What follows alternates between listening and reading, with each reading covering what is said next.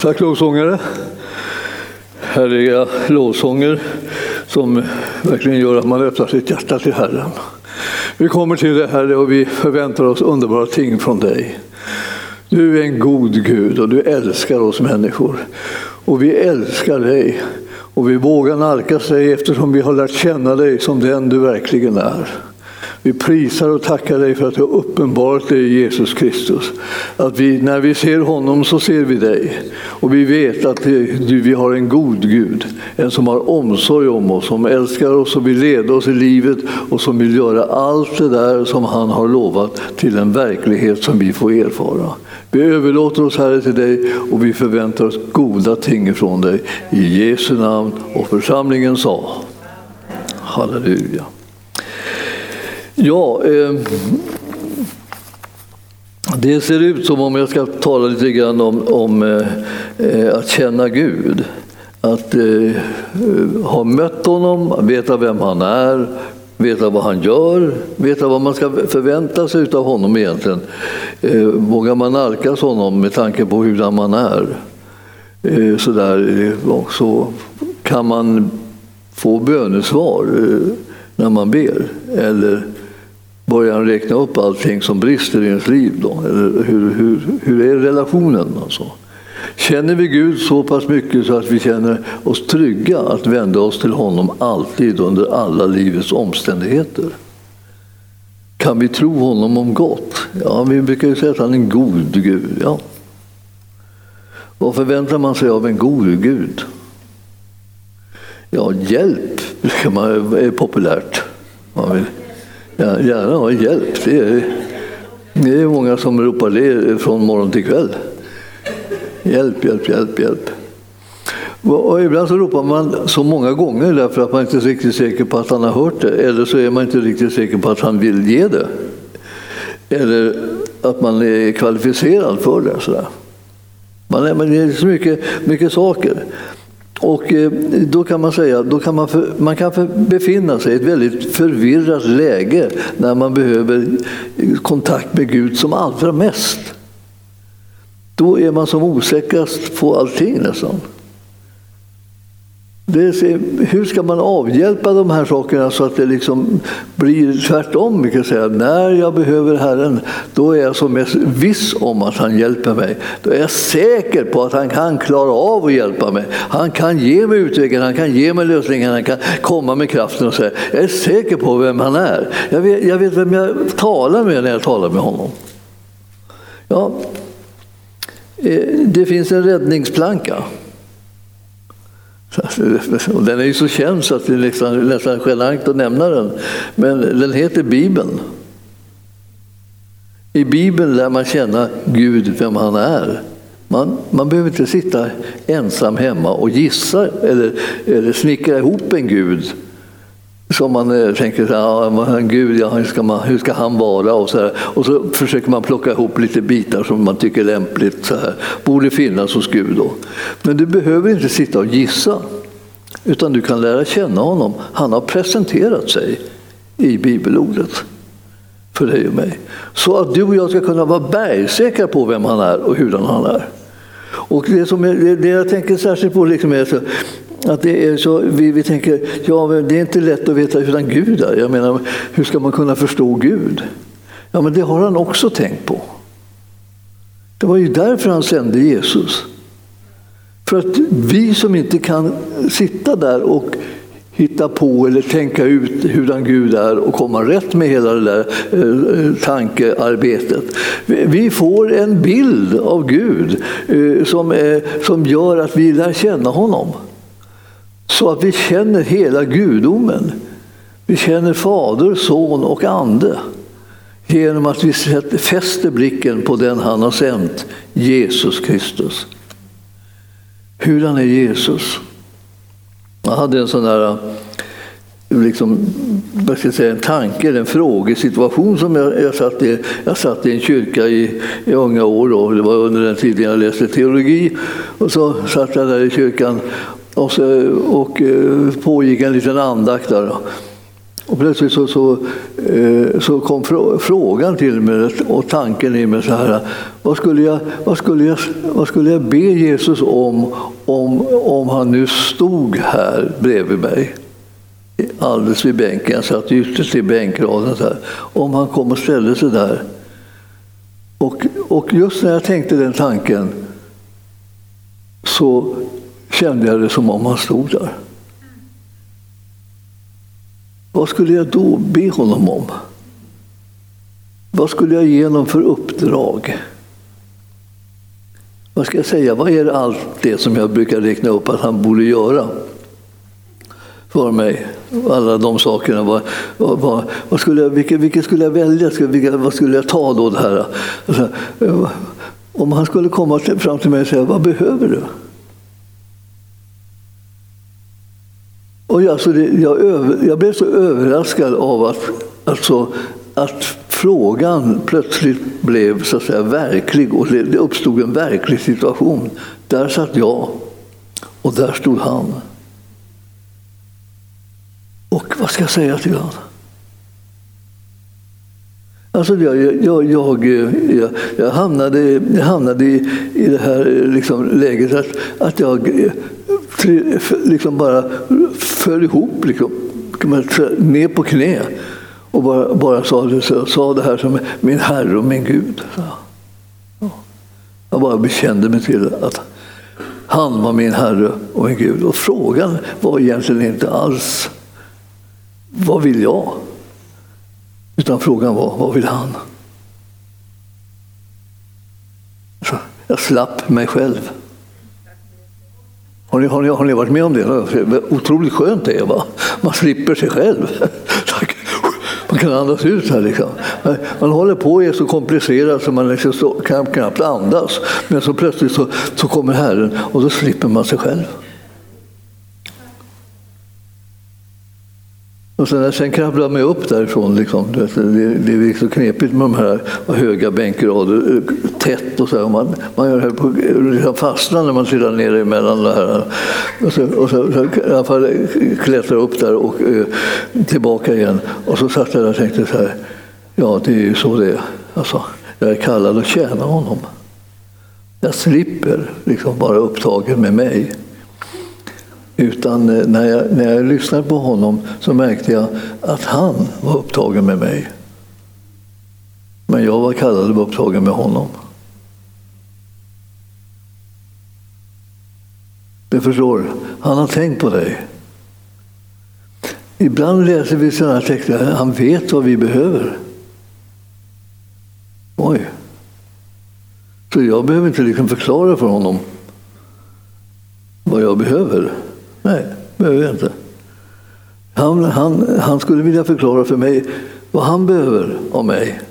Vad han, vad han vill att jag ska göra, vad han vill, vilka steg jag ska ta, vilken tro, vad jag ska tro honom om, vad jag ska ta emot ifrån honom som han ger mig. Han vill att jag ska lyssna på det så att min tro kan sträcka sig ut och bli en mottagare. Inte liksom en, en sån här bara som sitter och räknar upp en massa önskelistor. Man kan, man kan bli så befriad från sig själv när man lär känna Gud. Otroligt skönt alltså. Jag vet inte om du precis, jag har många, haft många stunder då jag liksom verkligen känt mig urtrött på mig själv. Jag tänkte det här, jag måste, jag måste bli räddad. Och så är det redan gjort. Då. Man, man, man upptäcker så här liksom man, just därför att jag glömde vad han hade gjort så, så hann jag bli väldigt trött på mig själv och det som jag stod i därför att jag liksom ägnade det så mycket uppmärksamhet. Att befrias är ju att ägna Herren uppmärksamhet, följa honom, göra hans vilja, lära känna honom. Och då finns det en psaltarpsalm här. Då. Vi, vi är inne i sådana här lite tider då folk gärna hoppar på det här tåget med fruktan fruktan för allt möjligt i framtiden och nuet och fruktan för liksom hur, hur sprider sig smittan, hur, hur blir det, hur klarar jag det mig och, och vågar jag andas? Nästan sådär. Eh, det, man har så mycket liksom grejer som man håller på att haka upp sig som man inte kan vi säga, har egentligen någon personlig kontroll över. Och eh, jag gissar på att det betyder det att eh, eh, du ska ägna dig åt något annat. Då, då. Det är ingen idé att hålla på att ägna sig åt saker som man inte har någon kontroll över och inte riktigt känner att man vet hur man ska påverka. Vi kan tro att Herren vet vad vi behöver. Det kan vi tro. Och, eh, och så kan vi veta att han är en god Gud, så att han vill ge oss det som vi behöver och hjälpa oss så att vi inte behöver lösa det utan vi kan ta emot lösningen. Ni vet. Därför så behöver vi lära känna Gud. Jag tänker Psaltarpsalm är ofta väldigt bra. Och en del är extra bra på att liksom tala om vem Gud är, så du och jag slipper liksom bli nervösa. Ungefär så ska jag lämna allt till Gud? Då blir man jättenervös vid den tanken. Ja, om inte jag håller kontroll över det, då vet du inte vem du själv är. För att om du tänker att du, skulle bli tryggare om du höll kontroll över det, då har du missuppfattat hela situationen. Det, det, det är då det blir nervöst. Men om du kastar din börda på Herren, alltså, då blir du trygg. För han är mäktig att beskydda dig och bevara dig och hjälpa dig. Och han är den som kan omsluta dig på alla sidor och du kan vara helt trygg. Känner du Gud så behöver du inte hålla på och liksom tänka så här, nu rasar allt som inte jag har kontroll över. Det är snarare så att om du petar där för mycket så börjar det rasa överallt. Vi, vi, vill, vi vill lära känna Gud så att vi kan ägna oss åt det som är hans uppdrag till oss med hans kraft och slipper hålla på att vara nervösa för vår egen räkning. Alla som lär känna Gud blir otroligt trygga. Efterhand så börjar känna bördorna rasar av. Man till och med kan kasta sina bördor till Herren utan att ta tillbaka dem. Vi har alla prövat det där, kasta och sen rycka tillbaka det. Det, det är känt. Men alltså, låta bli att rycka tillbaka det, det fordrar ju att man vet vem man slänger det till. Och jag vill säga, vi ska slänga vår börda till Herren. Han är värdig. Han är mäktig att ta hand om den. Psaltarpsalmen nu då, en eh, världsberömd en, 103. Den som kanske ni till och med allihopa kan eh, utan till vid det här laget. Alltså, jag har pratat lite grann om Psaltaren 91, eller jag är mycket till och med har pratat om Psaltaren 91, och en psalm alltså. Men 103 ligger i samma, eh, samma område här. Av David alltså. Lova Herren min själ och hela mitt inre ska prisa hans heliga namn. Det är en stor befrielse att ägna sig åt sånt. Lova Herren min själ och glöm inte alla hans välgärningar. Det är en fantastisk befrielse att komma ihåg alla hans välgärningar. Jag har ju varit i det här läget och det har kanske du också och kanske rent av är det nu. Att du, du kommer ihåg en enda välgärning.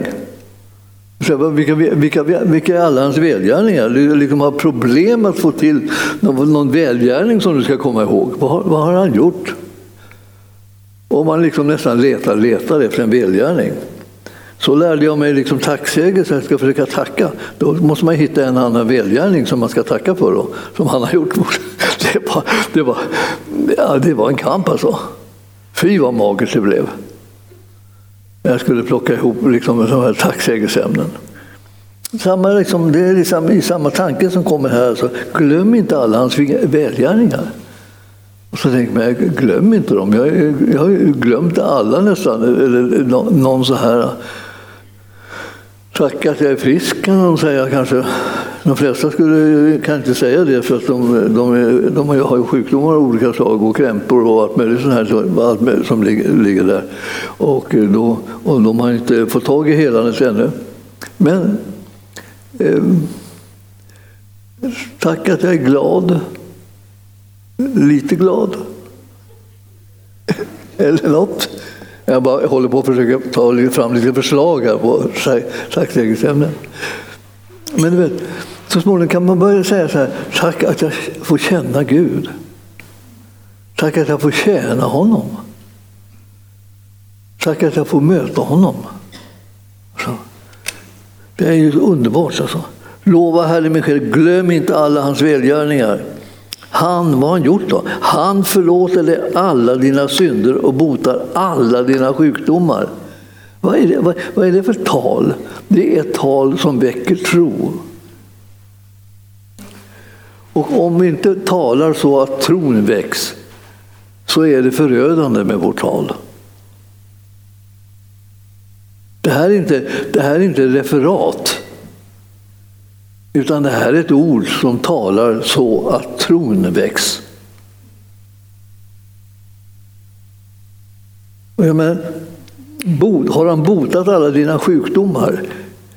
Nej, det vet jag inte om han har gjort. Men han säger någonting annat än alltså att det är ett referat av att han har gjort det. Utan han säger, han gör det. Och han talar till dig för att du ska tro på det. Och när du tror på det blir du en mottagare utav det som är hans gärning. Alltså han talar till dig något som övergår ditt förstånd för det har ju liksom inte hänt än så du kan bocka av det. Han liksom, ja, bota för det där, bota för det där, bota för det där. Nej, det har inte hänt ännu så. Men han, han säger, ta det nu i tro när han säger att han gör det för dig. Ta det då i tro. För att du ska kunna vara en mottagare av hela, hela den här härligheten och välgärningen. Därför så kan man säga, ska jag säga då, Jesus botar alla mina sjukdomar. Ja, det ska jag säga. Det är vad han håller på med. Vad håller jag på med? Jag håller på och bekänner mig till det och ropar på det för att tron ska väcka sig stark. Så jag blir en mottagare av hela härligheten. Ser du? Ja, men hjälp, jag kan inte säga att jag, att jag, att jag är liksom botad när, när, när jag inte är det. Jag kan kalla på det. Jag kan bekänna mig till att han har gjort det för mig. Det betyder helandet är mitt. Ingen ska ta det ifrån mig. Det är en gåva. Han har gjort det redan. När då? När han hängde på korset så tog han alla mina sjukdomar alla mina lidanden, alla mina synder, alltihopa tog han för att jag och du som tror på honom ska kunna ta emot det där i tro och bli fria från det. Det finns en givare och så finns det en mottagare. Och däremellan, mellan givaren och mottagaren, så finns det ett faktum. Vad är det för faktum? Jesus tog på sig alla våra synder och alla våra sjukdomar, alla våra lidanden i vårt ställe. Vad gör man med det faktumet? Man tror på det. Så att det blir ens erfarenhet. Är ni med? Vi är på väg mot erfarenheten. Vi vågar inte säga någonting för vi har inte erfarenheten ännu. Och så är det här att säga någonting ett steg till att få en erfarenhet som vi ännu inte har. Faktum är att han har dött för dig. Han har tagit på sig alla dina sjukdomar. Visst? Det kan vad är det här för någonting? Det här verkar jätte, jättekonstigt. Det gör väl ingenting? Om det verkar konstigt beror det bara på att du är ganska ovan vid att tänka de här tankarna. Det här är Guds tankar. Om du bara tänker egna tankar och människotankar så är det här helt andra tankar. Ja, ja det är det. Ja, men det kan man inte begripa sig på de här tankarna. Nej, Det kan man inte. Vad ska man göra med dem då? Man ska tro på dem. Det är tron som tar emot det som Herren har gjort för oss. Alltid med tron blir vi mottagare. Folk satte igång att göra det som var Guds vilja i tro. Fastän de aldrig hade gjort något sånt förut. Och det ligger ju nära till hands, liksom, eftersom vi heter arken så kommer vi, kommer vi att tänka på Noas ark. Den, Noas ark är inte arken, den arken som vi har här, det är förbundsarken. Men, men vi ska säga, den, eh, Noa, han fick uppdrag att bygga liksom en, en smärre oljetanker.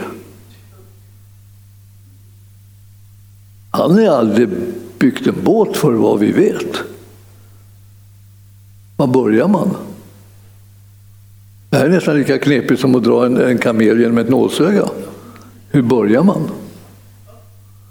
Jag tänkte alltid att man börjar med ett borst som sitter framme på nosen på den. Då. Så tar man tag i kamelens liksom borste där och så sätter man igång och trär genom nålsögat och sen drar man. Jag vet. Men hela den, hela den bilden liksom känns ju kämpig på något vis idag. Dessutom så förstår man inte hur kamelen ska kunna komma igenom med livet i behåll. Det kan den inte heller.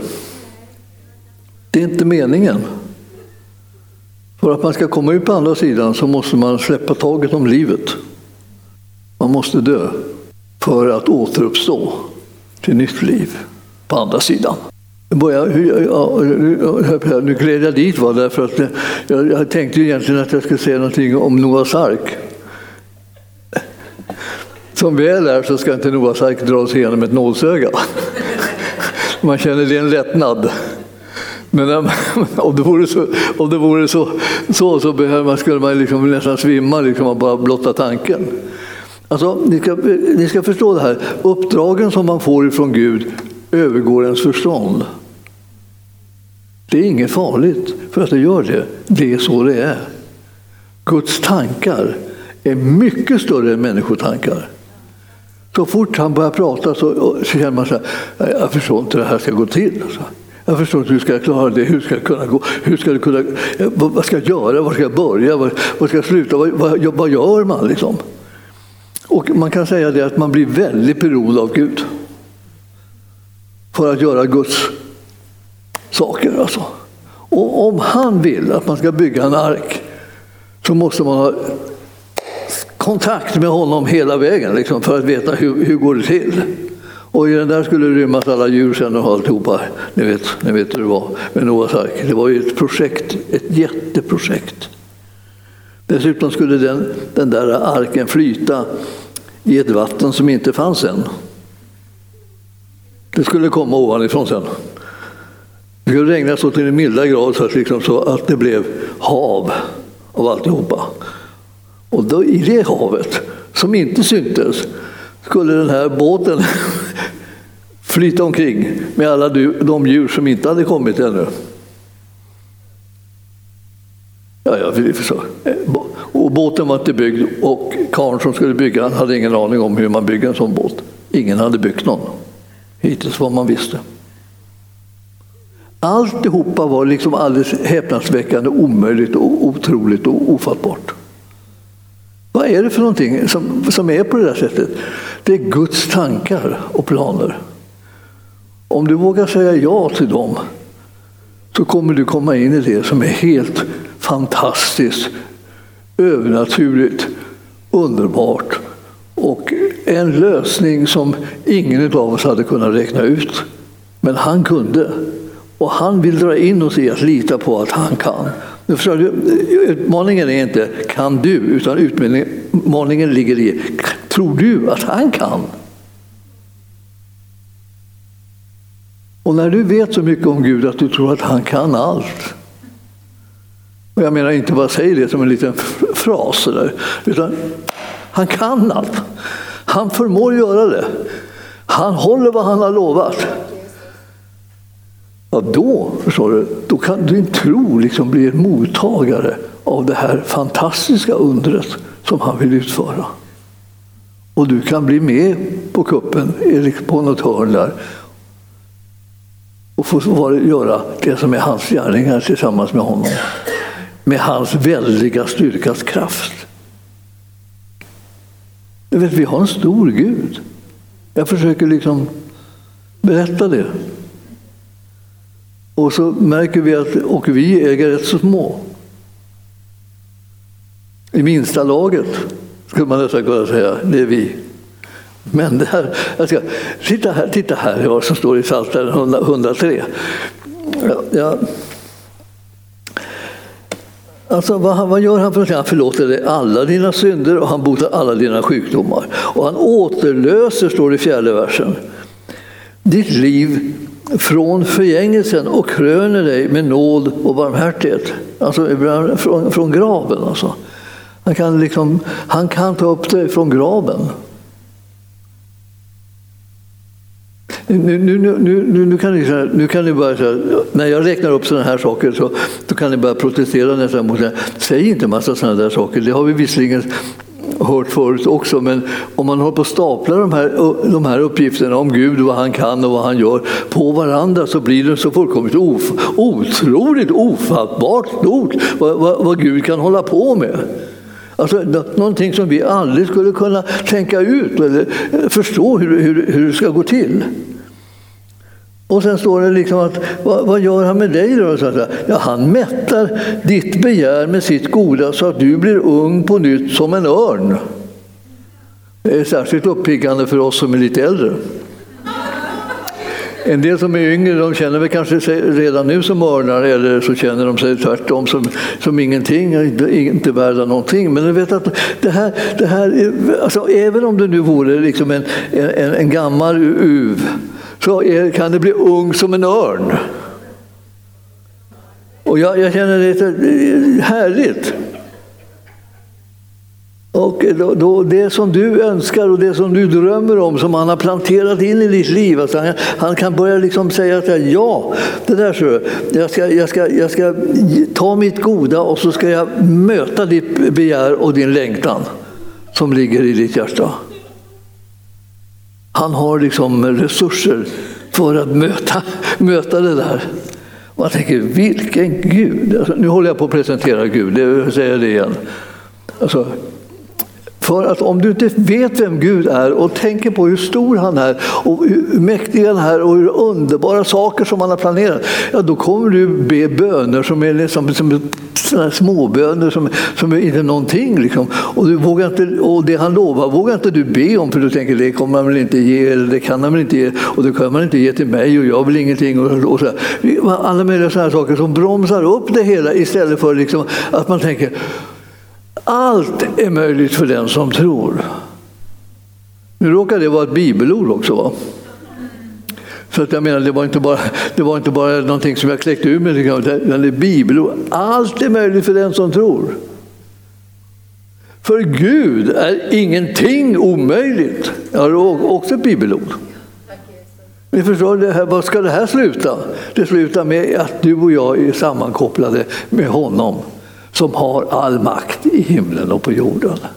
Ja. Vad ska vi då göra när vi är sammankopplade med honom? Som är så god, som älskar oss så mycket att han har sänt sin egen son som har gett sitt liv till försoning för all synd och tagit på sig alla sjukdomar och lidande i vårt ställe. Vad ska vi, vad ska vi syssla med?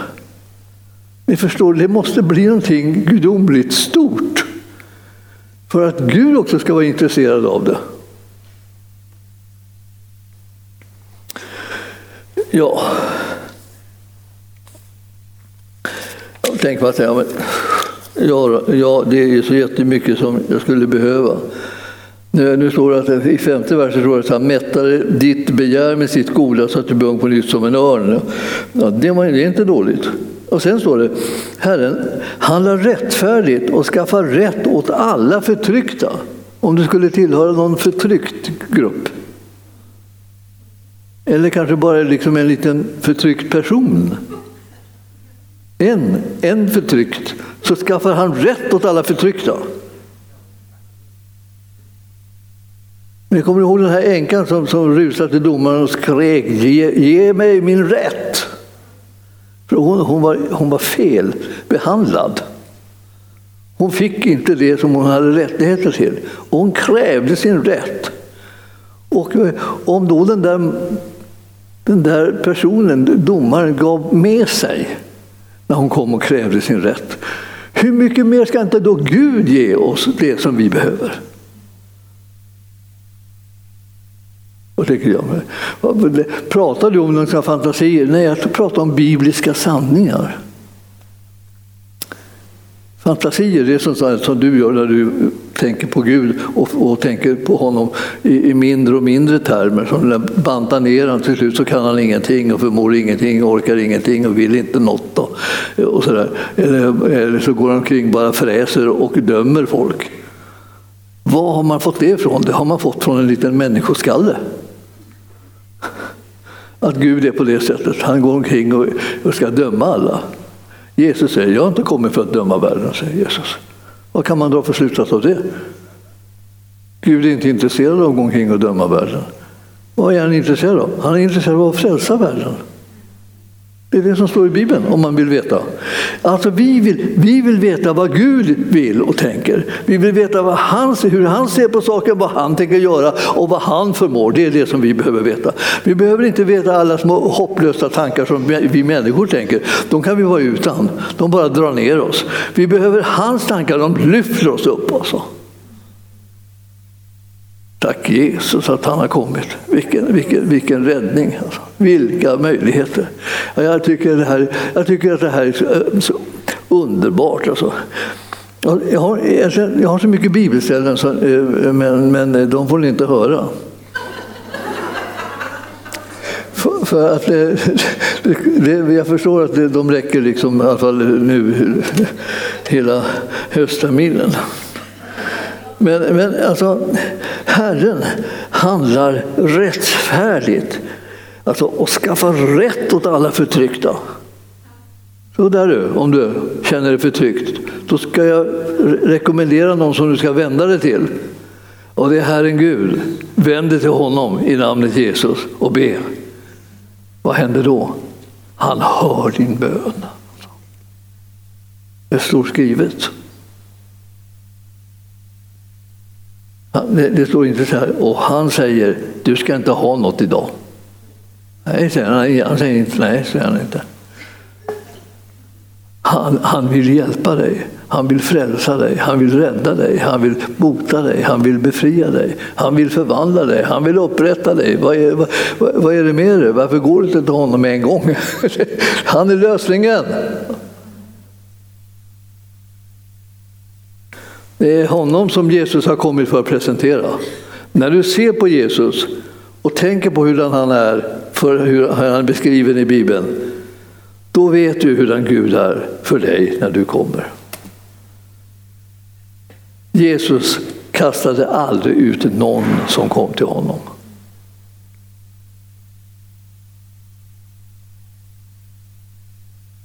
Nej. Så det är odds, dina odds är goda. Det har funnits människor som har varit lik dig och mig så här i alla tider och, och man kommer till Jesus och, och, och de har blivit välkomnade. De har blivit frälsta, de har blivit räddade, de har blivit förlåtna, de har blivit upprättade, försonade. Alltså, de, de har helt enkelt blivit befriade från förtrycket.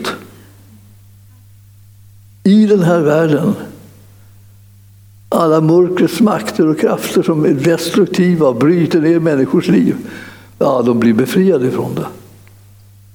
Därför Jesus har kommit. Han, han var så inställd på att befria människor så man behövde inte ens be om det. Man bara gick fram och tog det. Han hade det. Han har det fortfarande.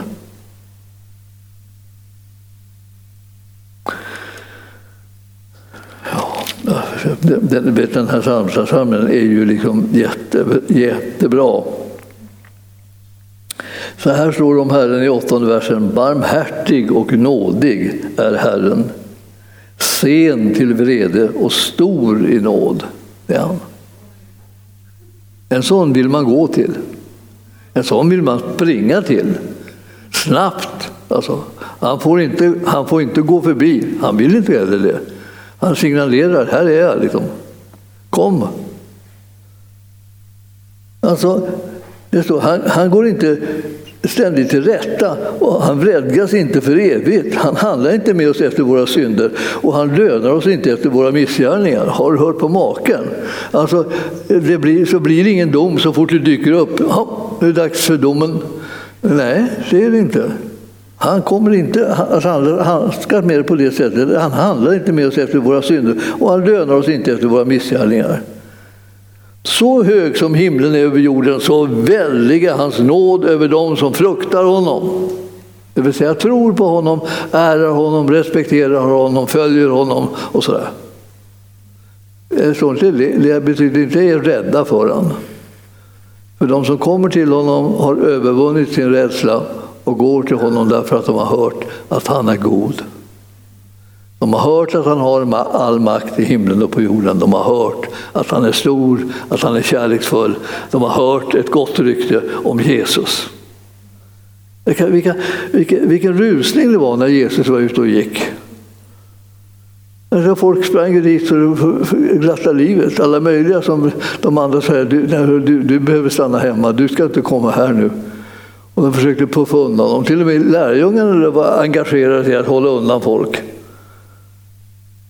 Men Jesus var där för folket. Han är där för oss. Så Därför säger han liksom, det är för vårt, vårt uppdrag är ta emot honom, inbjud honom i ditt hjärta och låt honom frälsa dig. Ta emot hans hjälp. Helande och befrielse och upprättelse, läkedom för allt vad det är för någonting. Alltså. Ta emot hans hjälp när det gäller råd. Han är så underbar i råd, ett av hans namn. Utnyttja honom för det. Alltså. Du, känner du någon som är underbar i råd så är det klart du ska gå dit och be om råd. Alltså, och då ger han det rådet som du behöver. Alltså, övernaturligt underbart råd som löser hela situationen. Varför ska du sitta och grubbla dag och natt när du, liksom, när du känner honom som är underbar i råd? Har du funderat över det? Hur, vad konstigt man beter sig. Man grubblar och ältar och ältar och ältar. Vad, vad då för?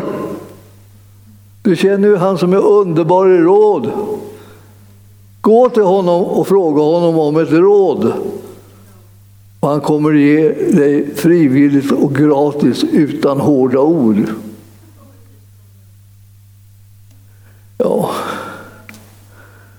Jag vet, att jag, jag, tror inte jag, jag, kan, jag vet inte var jag är någonstans i tiden. Jag borde, jag borde, jag borde sluta kanske. Vi ska se. Alltså ni förstår att Salta, Saltasalmen 103 är inte lätt att slut, avsluta. Det är många Saltasalmer som är så här. Överhuvudtaget När man börjar läsa om Gud så tänker man att det här tar ju aldrig slut. Ja. Och sen börjar man tala om liksom hur, hur, lång, hur långt bort han kastar alla våra överträdelser. Har ni sett det? Så, så, långt som öster är från väster. Ja, där hamnar våra överträdelser. Förstår ni? Vem ska, kan, kan man inte hitta dem? Nej. Just det, man kan inte hitta dem.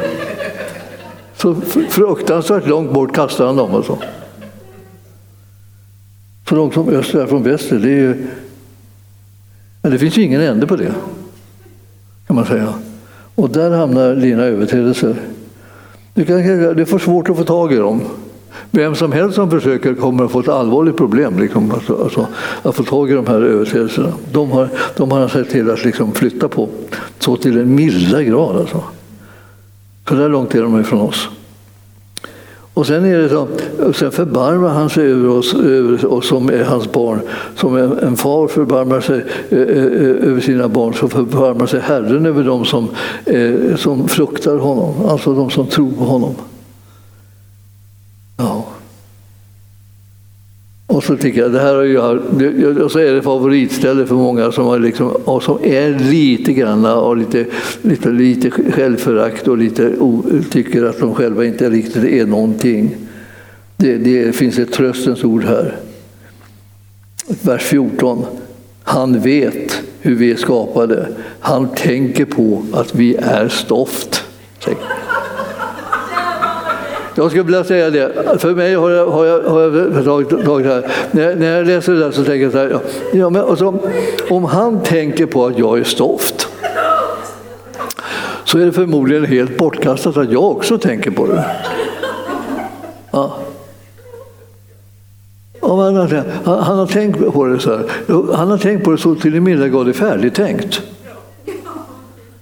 Ja, vad ska jag göra? Jag ska tänka på hur den Gud är. Om du vågar tänka på hurdan Gud är, alltså inte bara hitta på någonting om Gud, utan jag menar tänka på det, hur han är. Så det står att han är, till exempel bara i Psaltarpsalmen 103. Om du bara tänker på de där sakerna som står att han är där, om du tänker på det, så, så kommer du bli som en fri och glad lärka i skyn. Va? Det kommer att bli så. Det bara, det bara kvittrar omkring och susar liksom omkring liksom utan ett bekymmer i hela livet. Liksom. Man tänker, vad, vad tar du åt dig? Har du, har du inte vett att bekymra dig? Nej. Jag tänker på honom och, och han tänker på att jag har stoft tillräckligt mycket för att jag, jag aldrig ska behöva tänka på en sekund mer. Det är visserligen sant att jag är stoft, men så har jag honom. Och då har jag livet. Ni vet, det står i, i första Johannesbrevet, här, i fjärde, fjärde kapitlet, femte är det kanske, att eh, alltså, den, den, som, den som har sonen, han har livet. Den som inte har sonen har inte livet. Man måste se till att ha sonen. Hur får man sonen? Man inbjuder sonen. Man säger till kom in i mitt hjärta och fräls mig. Förlåt mig mina synder. Då kommer han, då gör han det. Och sen har du sonen. Och sen har du livet, alltså evigt liv. Perfekt. Han är här för att frälsa människor. Han vill inte att någon av oss här sitter och gör sig liksom stor med sina brister. Det är fel material. Du ska göra dig stor med din Gud. Det är han som kan frälsa, det är han som kan hjälpa, det är han som kan förändra situationen. Och han vill att du ska vara hans och, och, och, och han ska vara din.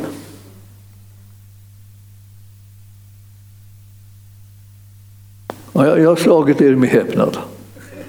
Jag märker det. Liksom. Ni sitter så här. Liksom. Gung, gung, gung, gung, gung. Kan det här vara... är det Gud? Är det, är det, är det, vad är det här för konstig reklam? Ja, det här är reklam för Gud alltså. Den behöver inte överdrivas. Den kan inte överdrivas. Han är så god. Han älskar dig och mig. Och han vill att vi alla ska tillhöra honom. Och han vill att vi alla ska känna honom så att vi har någonting att tänka på som är värt att tänka på. Du ska inte hålla på att tänka på dig och dina problem. Du ska tänka på din Gud och hans makt.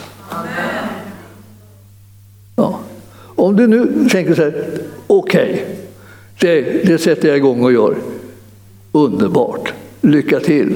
Du kommer gråta av glädje över att, att du har en sån herre som du har. Alltså. Det är bara att sätta igång. Mal ner allt elände liksom med all godhet som du finner hos Gud. Alltså. Gud behöver ett frimodigt folk och inte några liksom ängsliga, krypande typer som, som, som bara är, upp, är upptagna med sin egen, sina egna problem. De ska vara upptagna med sin Gud förstås. Om man har en Gud som vi har i Jesus så har man ingen anledning att sitta och älta problem. Och nu tänkte jag, ja, men vi, vi har ju massa behandling för det här. Vi ber hur man lyfter problemen hit och dit kanske och blir, för att bli av med dem och sånt här. Ja visst, ibland så är det så att vi, vi är så, vi är så liksom sega i starten så att säga, tänka, tänka på rätt saker. Så vi måste hjälpas åt för att liksom få rikta in blicken åt rätt håll så att vi, vi, vi så att talar stort och gott om Gud hela tiden. Att han är för oss och med oss och kan hjälpa oss så att den sanningen liksom kommer ner i vårt inre. För då hjälper det till att lösa oss från här, allt det här andra som gör att allting skulle vara omöjligt.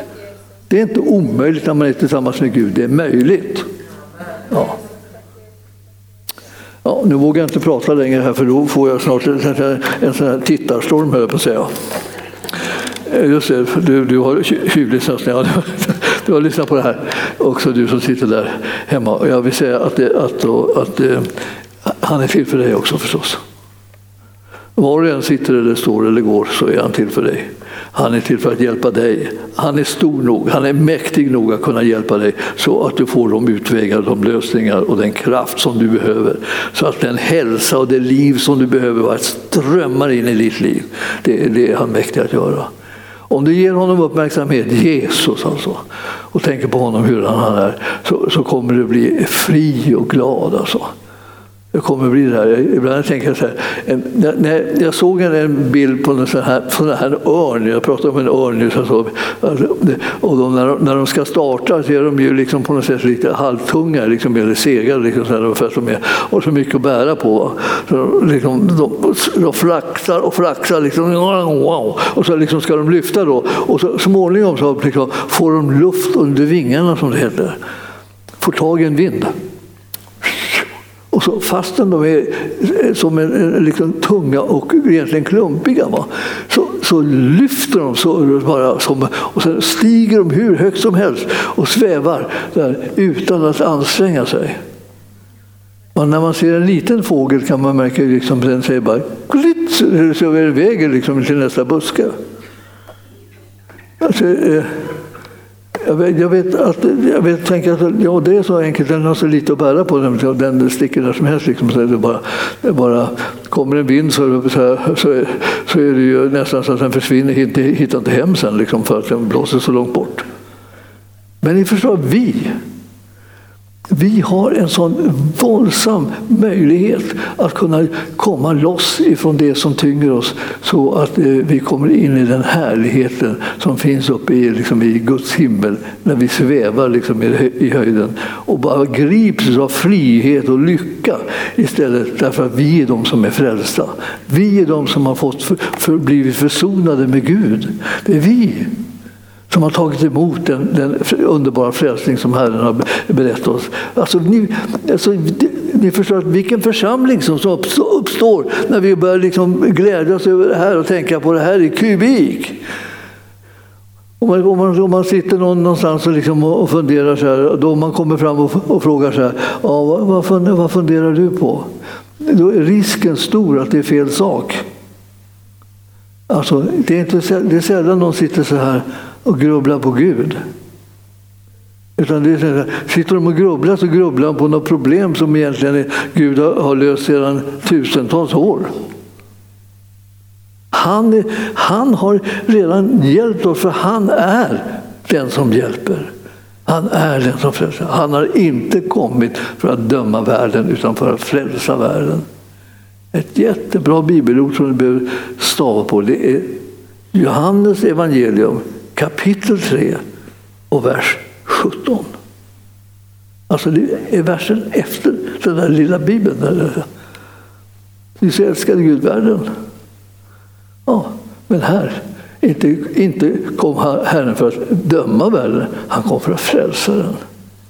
Så när han tittar på dig så är han där för att, inte för att liksom tänka att nu ska vi döma dig, utan han tänker, är det någonting som jag behöver lösa dig ifrån?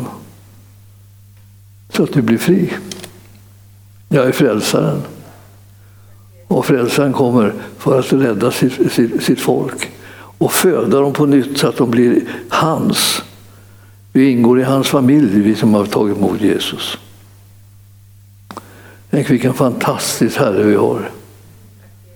Han är, han är ju världsberömd för godhet. Ingen, va? Ingen så god som han. Så himmelske Fader, nu ber vi att du tar våra tankar och, liksom och slänger dem så långt som öster är från väster.